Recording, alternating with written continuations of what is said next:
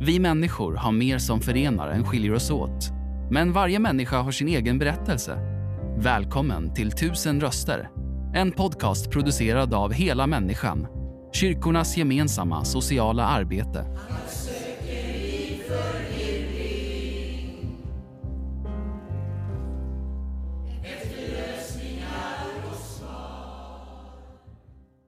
Då är vi hos Hela Människans verksamhet här i Stockholms län och jag träffar eh, Ann Malmberg som är 64 år.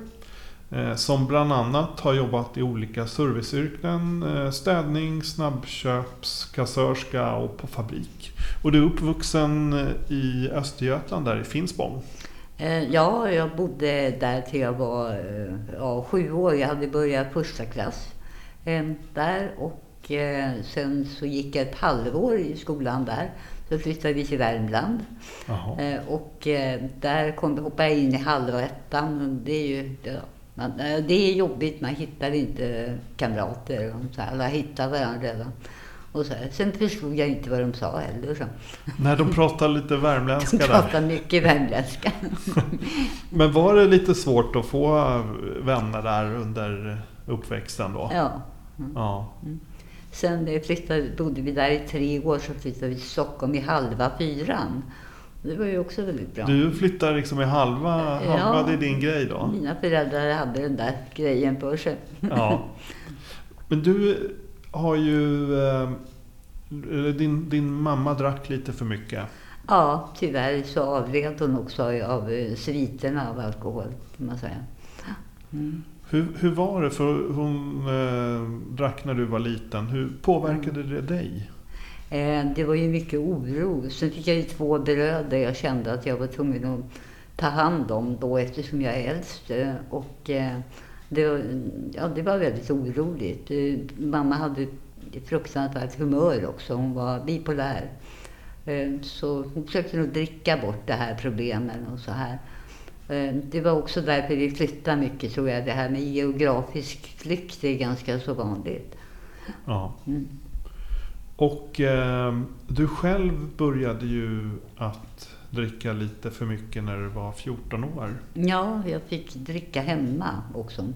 Eh, Du var man- som liksom introducerad till det. Mm, man ansåg inte att det var så farligt. Va? Utan jag fick den här sista lilla skrätten i vinflaskorna och så här. För att de hade den uppfattningen att ska man, eh, man, man ska testa gränserna hemma. Så man inte går och, gör någonting ute eller ramlar omkull och inte är hjälplös ute.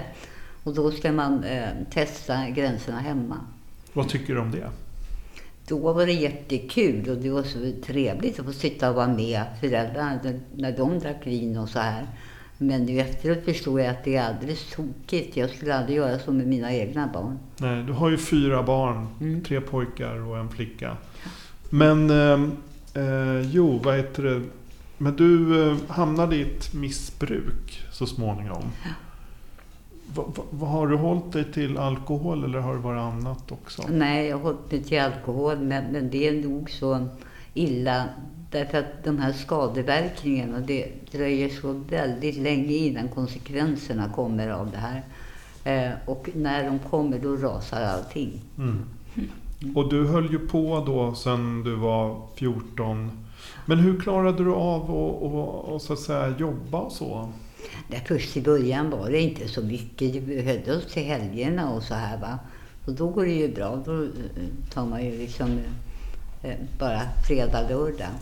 Och, och sen jobbar man va, i veckorna och sen var det fredag, lördag igen. Så då går det ju, så, så länge funkar det. Och då var man ung också. Eh, och så där. så att man har ju, man har ju annan energi när man är yngre. Om du tittar tillbaka lite på det då. När, när känner du att det vart något problem, alkoholen? Eh, Ja, när konsekvenserna började komma, första skilsmässan där. Eh, och eh, sen när, när då, eh, då gick jag hemifrån och eh, sen var jag hemlös. Jag bodde hemma hos någon gubbe som inte var snäll, som slog och, och hade sig. Och sen fick jag egen lägenhet, för det fanns ändå lägenheter att få på den tiden. Och så fick jag egen lägenhet, men tyvärr så följde han ner och det här det trappades ju upp så fruktansvärt fort. Det var Eh. då du började dricka rejält liksom? Eller? Ja, då var det riktigt. För då hade jag inget jobb heller. Hur gammal var du då? Eh, då var jag 27, 28 kanske. Ja. Mm. Mm. Men det måste ha funnits eh, människor runt omkring samhället, sociala myndigheter som nå- någonstans såg den unga Ann? Eller vad, vad liksom, hur såg det ut? Nej. Nej, Det det, var inget inte. sånt inblandat. Nej, nej, man försökte hålla det där för sig själv. Det är en skam också att hålla på och dricka så där mycket. Va? Och så. Men man tänkte inte så. Det var roligt. Man satt på krogen och det var, hade ju var ett gäng och det var roligt sådär eh, tillfälligt. Va? Mm. Så det var ingen som liksom eh, såg eller gjorde någonting i alla fall? Nej, inte just då Nej. i alla fall. Va? Det var ju sen först långt senare när man blev hemlös. Eh, på allvar, alltså verkligen inte hade någonstans att ta vägen. Det var då man var tvungen att be om hjälp. Men hur tänker du där kring, alltså någon i skolan eller någon borde ju ha sett någonting?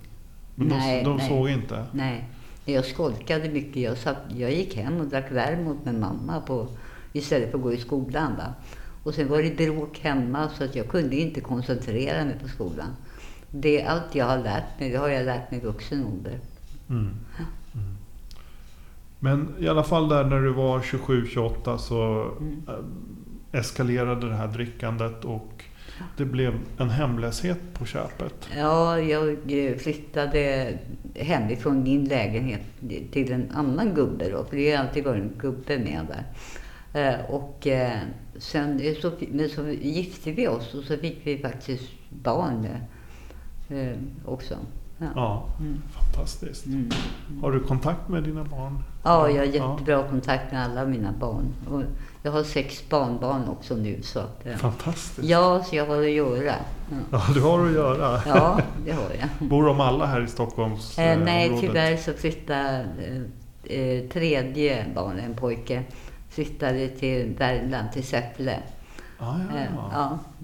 Men det är okej. Eh, det, är liksom, det är inte så långt att åka Nej. egentligen. Och, Och eh, nu kan du språket också? Ja, det kan, ja, jag har lärt mig värmländska. Ja. Nej, men huvudsaken är väl att barnen är lyckliga och har det bra, tycker jag. Och sådär. Och det är liksom, eh, yngsta bor hemma fortfarande. Mm. Det är alltid någon kvar. Hur, om du tänker tillbaka på den här tiden när du var inne i det här ganska kraftiga drickandet och så. Mm. Eh, hur såg liksom en bra dag ut då? Ja, det var inga bra dagar Det fanns egentligen. inga såna, va. det nej. nej, allting var bara... Det, det fanns inte valdagar och helger och allting var bara ett enda drickande hela tiden.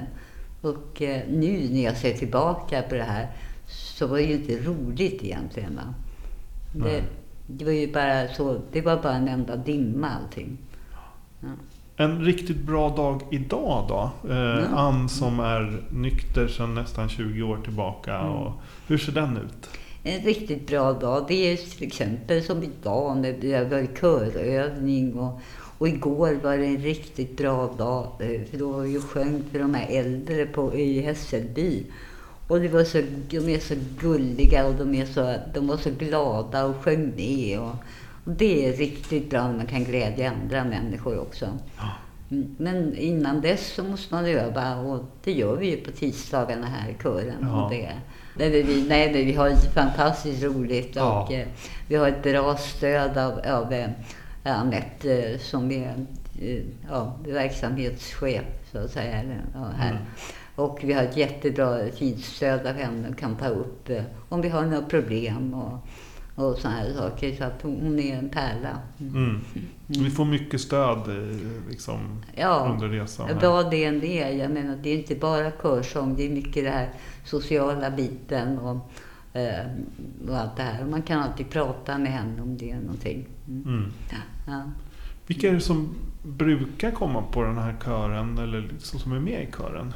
Eh, Det är eh, människor av alla dess slag. Alltså, man behöver inte ha haft någon sån här krånglig bakgrund som mig Eh, utan det finns de som har haft ett bra liv och ett normalt liv så att säga.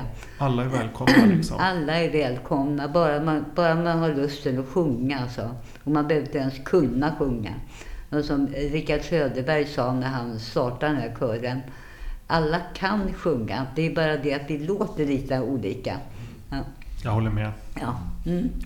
Men eh, vad, eh, liksom, vad ger den här gemenskapen och körövningarna för dig idag i ditt liv? Ja, jag har ju fått väldigt mycket nya kamrater.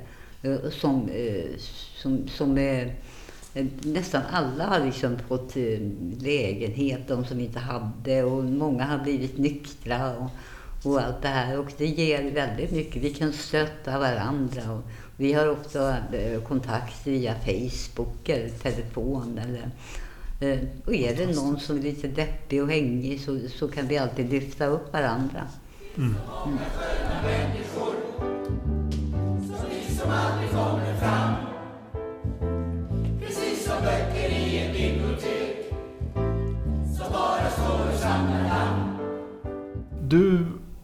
hamnar ju 2006 så eh, vart du hemlös sista gången här.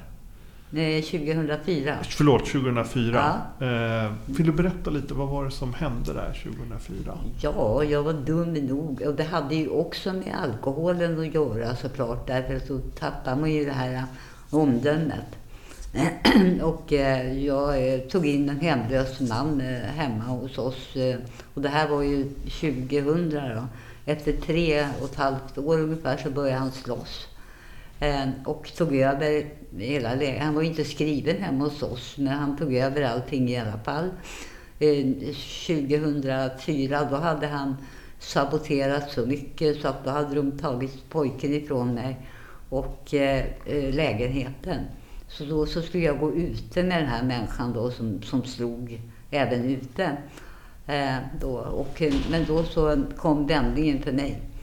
Eh, då eh, eh, så ringde jag till SOS och eh, bad om hjälp helt enkelt. Jag måste få komma på en behandling.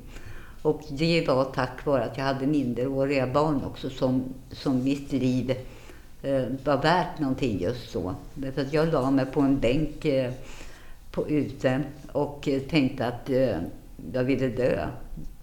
Eh, jag tänkte att jag, jag, om jag ligger här nu tillräckligt länge så kommer jag dö. Va? Eh, men sen kom det här med barnen till mig då. Eh, och då tänkte jag att nu, nu får jag skärpa mig. Så jag gick, upp från den här bänken, gick upp på vinden, min gamla vinden där och satte mig och funderade. Sen gick jag och ringde till, till SOS och bad om hjälp. Och sen, det här var till helgen tror jag, jag tror det var en fredag. Eh, och på måndagen, då hade hon ordnat så att jag fick komma ut eh, på en behandling på, eh, på info bara. Eh, på tisdagen så blev jag inskriven. Fantastiskt. Ja. Och sen var jag kvar där på grundbehandling en månad. Och sen var jag tre veckor på halvvägshus. Eh, sen fick jag komma till ett stödboende eh, och bodde där ett år. Eh, sen fick jag en försökslägenhet. Mm. Och, och därifrån så tog du dig ur liksom i... ur Ja, här. jag var så trött på allting.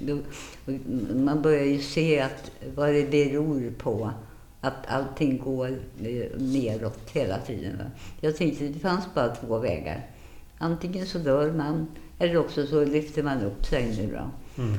Eh, och eh, det, jag ska säga att den här rutschkanan ner, den går väldigt fort. Men sen ska man klättra upp den här långa trappstegen. Det går lite långsammare. Så jag fick liksom avverka, eh, jag tillhör Sundbybergs kommun egentligen, jag fick avverka fem år i Rågsved. Och eh, det, det kändes inte som hemma. Eh, Så jag tjatade och tjatade och tjatade. Och eh, sen, hade, jo jag hade ett OSA-jobb också i Sundbyberg. Så jag åkte varje dag från Rågsved till Sundbyberg. Det är en bit. Ja, det är en och en halv timme eh, resa dit och en och en halv timme hem. jag gjorde det för att jag visste att det här kommer leda någonstans. Så tjatade jag och eh, sen ringde min eh, eh, chef, eller vad man ska säga. Så ringde hon till mig en gång när jag satt på tunnelbanan på väg till Rågsved. Så säger hon så här att nu har det dykts upp en lägenhet här, eh, sa hon. Och eh, så sa hon vilken adress. Är det rätt adress tro? Och då var det samma, samma gata som jag blev vräkt ifrån. Är det sant? Eh, 2004. Och det, det här var 2010 då. Eh, som jag eh, fick flytta in då. Eller jag och grabben. Mm. Ja. Mm. Bor du kvar? Ja, jag bor kvar. Oj, jag stortrivs där. Vad härligt. Ja, ja. Men grabben har vuxit eh, till en egen lägenhet misstänker jag. Nej, han Nej, är han är 28. kvar. Nej, nej, nej, det växer inga lägenheter på terrän. Nej, det gör ju inte det. Eh, Nej, han får, eh, han får stabilisera sig och, Ja. och ta det lite lugnt nu och så här. Och han söker, han är jätteduktig. Han Ja. provar och söker och sådär. Och man, får, man får inte ge upp. Ja, nej, nej, han ger inte upp. Nej. Nej. han är duktig, han är jätteduktig på allt möjligt. Men eh, vi, har det bra, vi har det jättebra han och jag. Mm. Mm. Mm. Det låter som du har ett väldigt trivsamt liv. Och Ja. liksom trivs att vara med här i kören och... Ja, ja. Jag säljer Situation Stockholm också då. På, eh, ja, när man tycker då. Men det är för att dryga ut kassan lite grann. Då. Står du på Och- något speciellt ställe? Eller? Ja, jag står utanför NK.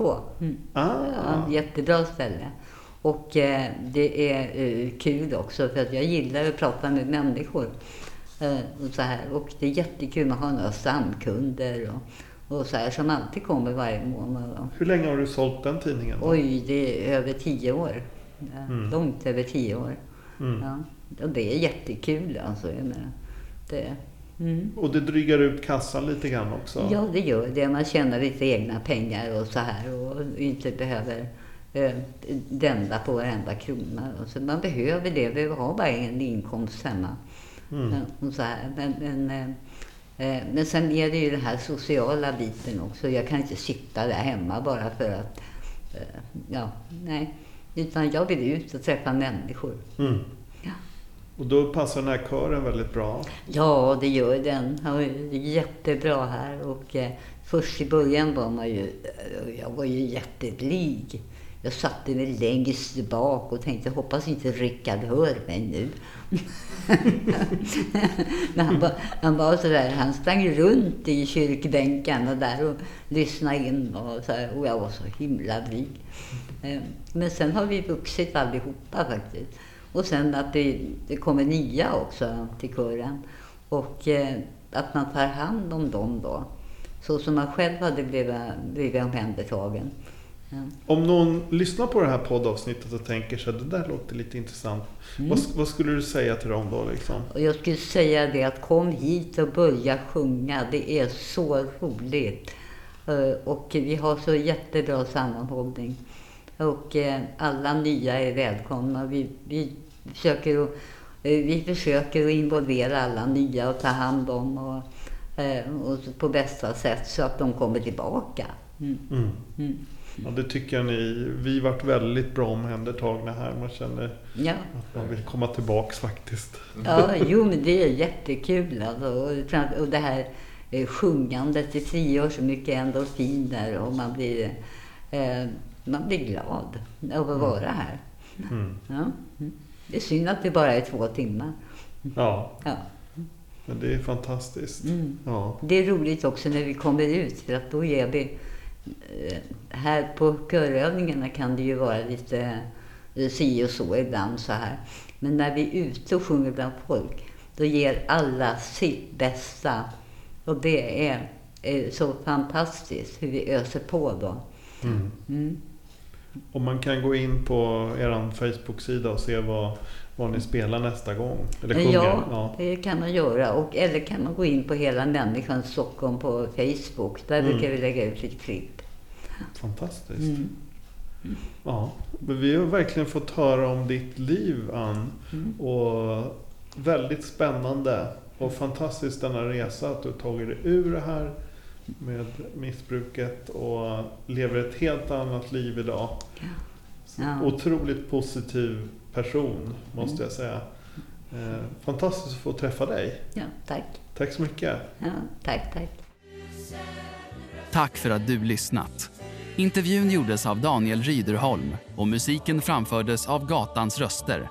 För att hitta fler avsnitt och ta reda på hur du kan engagera dig besök helamänniskan.se volontar.